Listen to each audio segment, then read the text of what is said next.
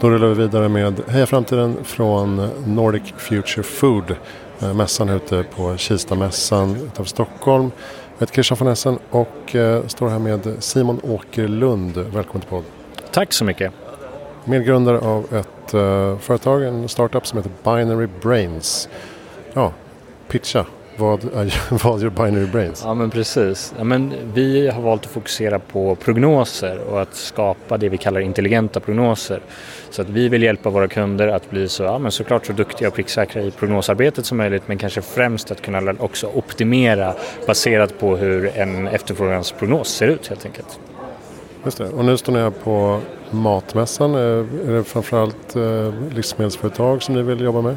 Ja, absolut. Vi har sett att vi har stor effekt för bolag inom FMCG där dels efterfrågan kan variera eh, väldigt mycket beroende på olika yttre faktorer men kanske också framförallt där vi ser att eh, det finns mycket optimeringar att göra baserat på hur efterfrågan kommer att slå. Alltså både inom produktionen och logistiken, eh, alla delar egentligen som har en effekt av att efterfrågan förändras.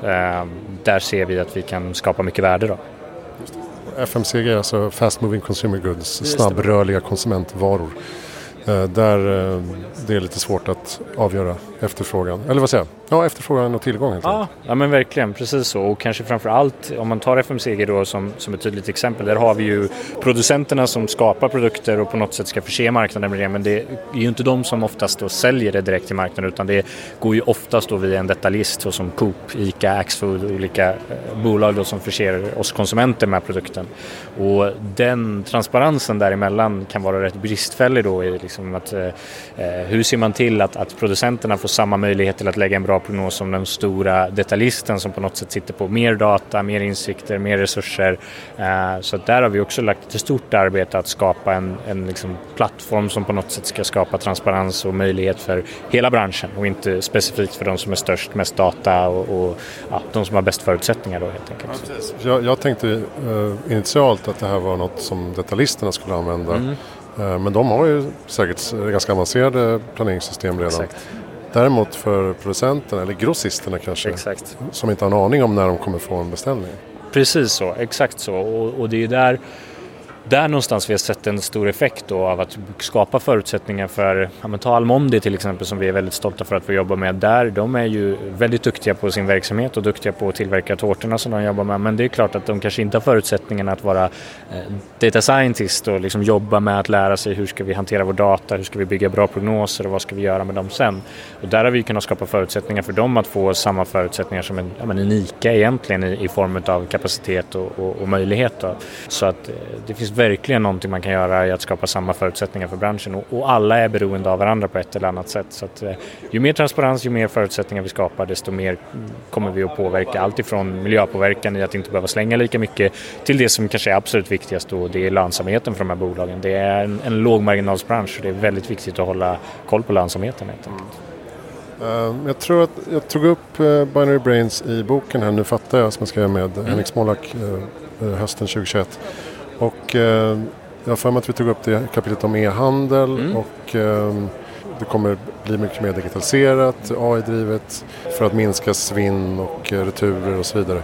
Eh, kan ni ge er in liksom i e-handelssegmentet och mode och kläder och mm. sådana saker också? Ja men vi tittar på det också. Det, nu är det ju fokus här på mässan då såklart på, på eh, food-delen då. Men, men eh, det tittar vi väldigt mycket på skulle jag säga och, och, och, det som vi tittar mycket på där, där handlar det ju då istället kanske inte om samma sak. Man har inte produkter som går ut på samma sätt och liksom att man måste kasta det för att det inte går att sälja längre. Men däremot så handlar det ju väldigt mycket om att, att ja, men dels waste, alltså att jag behöver slänga produkten eller rea ut den eller på olika sätt missar jag i min efterfrågansanalys så finns det ganska stora effekter som kan ske både på logistiksidan men också på en produktionssida och det spelar ingen roll om du jobbar med fashion eller om du jobbar med partihandel eller vad du egentligen eh, fokuserar på. Och jag skulle säga att den stora biten för de här bolagen är att våga blanda in datakällor som man kanske själv inte sitter på. Alltså det är ju lätt att kolla på hur mycket sålde vi för förra året eller året innan det och göra analyser utav det. Men det finns ju andra saker som påverkar oss. Väder, helgdagar, löning, alla sådana saker som vi vet påverkar försäljningen. Och där är ju en stor styrka skulle jag säga med vår plattform också att vi har den här typen av tredjepartsdata som vi tillför i den här prognosen. Så det blir ju också ett sätt på något sätt att, att liksom skapa sig bättre förutsättningar att bli pricksäker i sin prognos. Ja just det, spännande. Men, kan du nämna något mer, alltså vad som ingår i analysen? Kan det vara konjunkturnivå och räntor och allt möjligt? Ja men absolut, vi tittar alltid på att utöka vår tredjepartsdata och, och det är precis som du är inne på, bland annat har vi lagt in till eh, Google Trends då för att se liksom, finns det en tydlig, inom Google Trends då har en effekt på försäljningen. Så att vi tittar alltid på att utöka den här tredjepartspoolen. Eh, men de tydliga exemplen är ju kanske precis det du nämner, dels eh, olika typer av ekonomisk data som vi kan läsa in. Men sen är det faktiskt så också att vi har börjat komma så långt när vi har flera kunder inom branschen att vi kan börja bygga index också brett över kunddatan. Vi delar delar absolut ingen data mellan kunderna men vi bygger ett index som någonstans lär oss vad är effekten utav de här olika eh, sakerna som förändras då.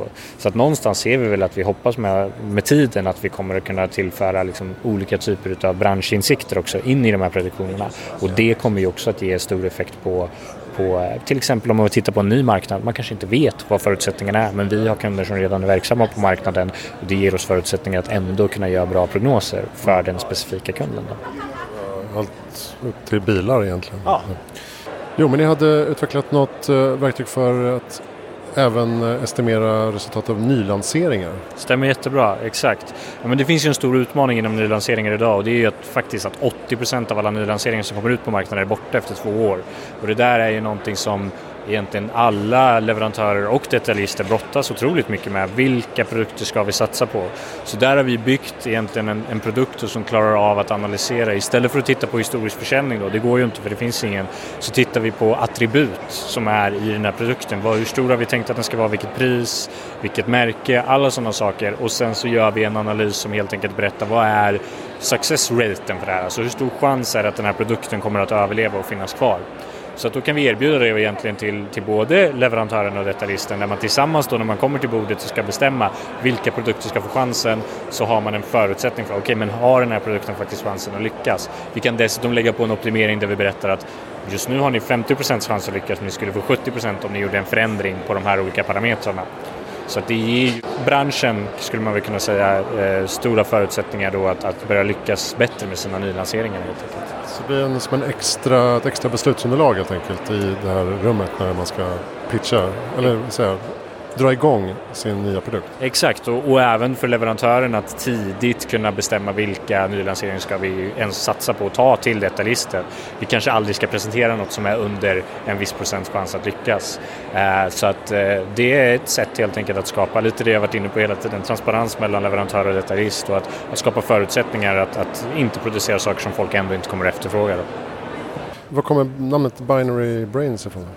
Ja, det är väl egentligen, till att börja med så var det väl en, en eh, tanke på ett bra namn som vi tyckte fäste och liksom, men, men sen är det väl just grunden att ha binary brains som någon form av så vi vill ju vara hjärnan bakom det, vi vill vara intelligensen. Som, det är därför vi kallar vår produkt också för intelligenta prognoser.